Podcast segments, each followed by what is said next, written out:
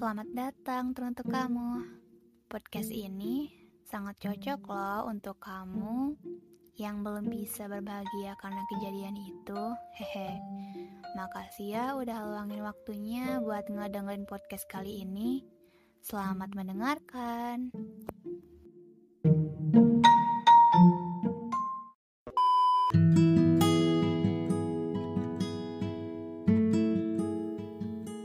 Pada saat itu, aku melihat ponselku dan scroll-scroll medsos seperti biasanya.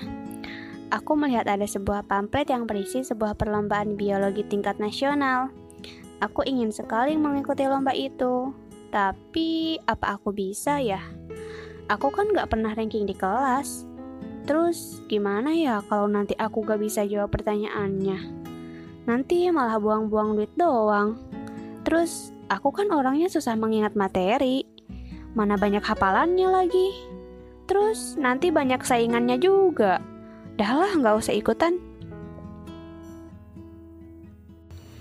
Kutipan barusan yaitu contoh dari orang yang meragukan diri sendiri.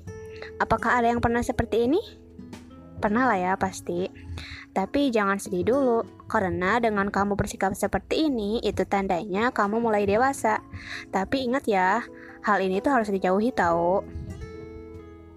Ada banyak penyebab seseorang bisa ragu, yaitu salah satunya pengalaman di masa lalu, mungkin karena trauma gitu, pendidikan di masa kecil, membandingkan diri sendiri dengan orang lain, dan takut gagal.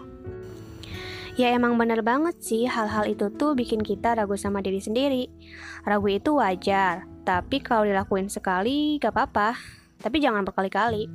Nanti bisa-bisa kalau terus-terusan ragu malah menimbulkan hal-hal buruk lain, seperti meningkatnya rasa depresi, frustasi, dan putus asa. Kalau aku lagi ragu sih, aku coba pikirin dulu. Terus udah gitu, kalau emang yang aku raguin itu penting, ya udah aku cobalah. Gak usah mikirin takut gagal atau apa. Daripada penasaran kan, terus kapan lagi coba? Kesempatan tak datang dua kali. Kalau tetap ragu aja, walau udah pakai cara aku ya cara lain. Ada kok. Coba deh sadari apa yang membuat kita itu bisa ragu. Jangan berpikir berlebihan juga sih. Pilihlah apa yang kita anggap penting. Terus jangan banyak minta pendapat ke orang lain sebelum memutuskan sesuatu. Karena apa pun keputusan kita itu, kan kita sendiri yang jalanin. Orang lain gak bakal ngerti apa yang kita rasain. Believe in yourself. Lalu kita menyingkirkan rasa negatif yaitu dengan teknik meditasi kesadaran. Teknik ini ada banyak, seperti dari The Greater Good Science Center dari UC Berkeley, yaitu yang pertama latih pernapasan dalam posisi apa pun itu, yang kedua beristirahatlah sejenak, akui rasa sakit dan frustasi yang kita rasakan, kita juga bisa sambil menyatakan sesuatu seperti Semoga aku bisa memperlakukan diriku dengan baik, atau bisa juga dengan semoga aku bisa menerima diriku apa adanya. Tapi ingat ya, sesuaikan kata-kata ini dengan apa yang kita rasakan.